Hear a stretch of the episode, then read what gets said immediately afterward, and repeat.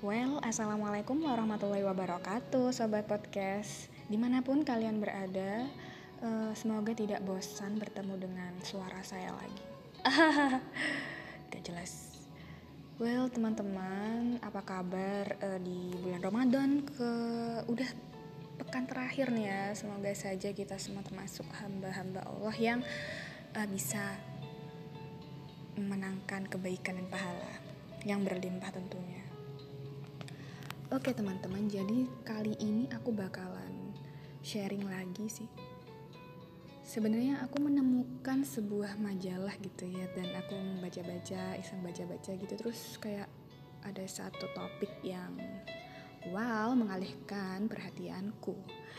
Jadi di sini ada tentang perkuat hati untuk memenangkan persaingan. Jadi ini tuh majalah yang aku baca tuh majalah Yatim Mandiri ya edisi Februari 2020 udah lama sih cuman tulisan ini sih bagus buat menyadarkan kita, menambah insight kita tentang sebuah persaingan yang semakin ketat di era digitalisasi kali ini gitu ya.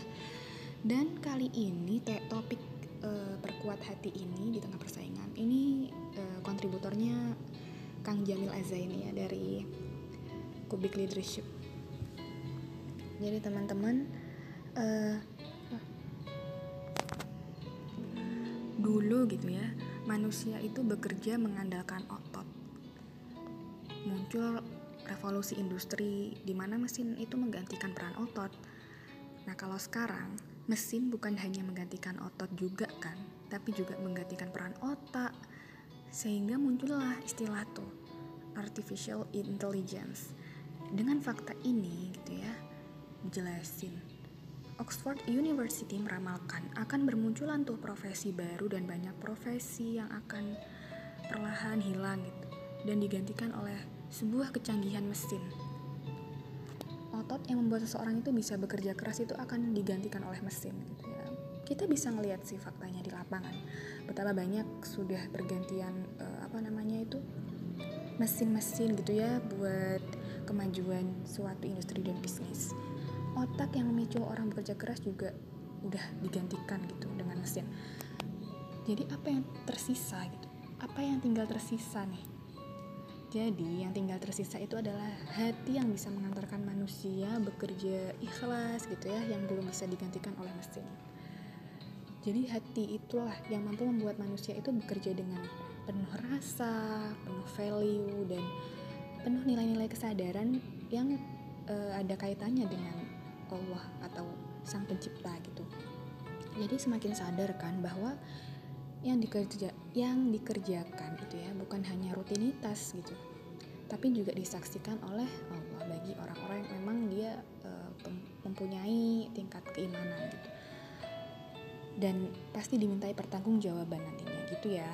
Jadi apabila ingin memenangkan persaingan gitu ya di era sekarang sebagai manusia yang benar-benar menjadi manusia kita itu bukan fokus cuma untuk memperdalam mesin ya tanda kutip mesin yang bisa menggantikan otot dan otak. Kita juga perlu mengoptimalkan dan mengasah peran dari hati. Heart. Kalau bahasa Arabnya itu kolbu. Kolbun ya. Jadi bekerja dengan menghadirkan hati terus kesadaran dan menghidupkan value. Gitu.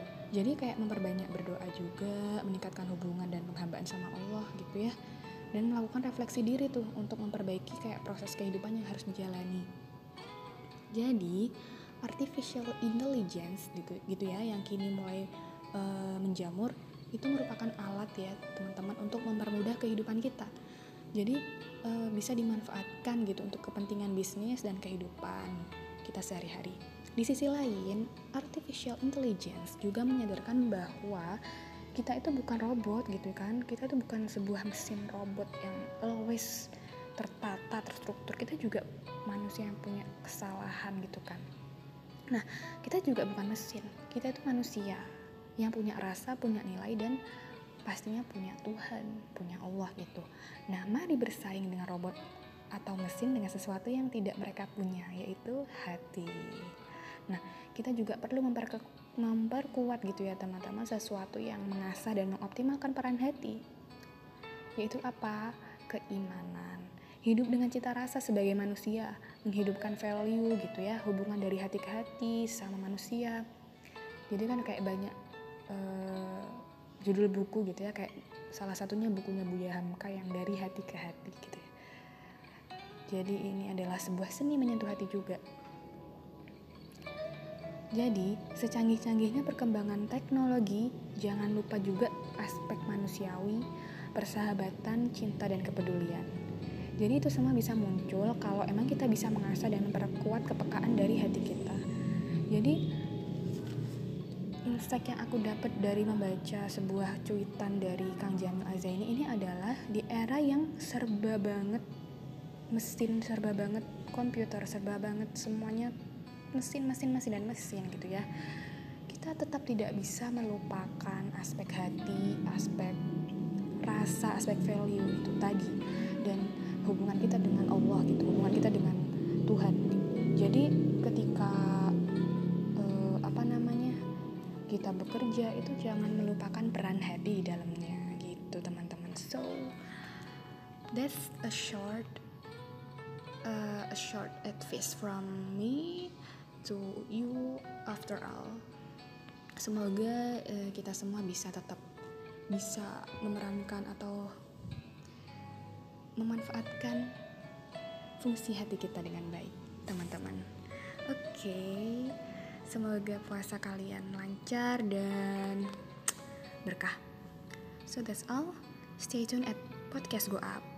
Go Up and Go Up. Wassalamualaikum warahmatullahi wabarakatuh.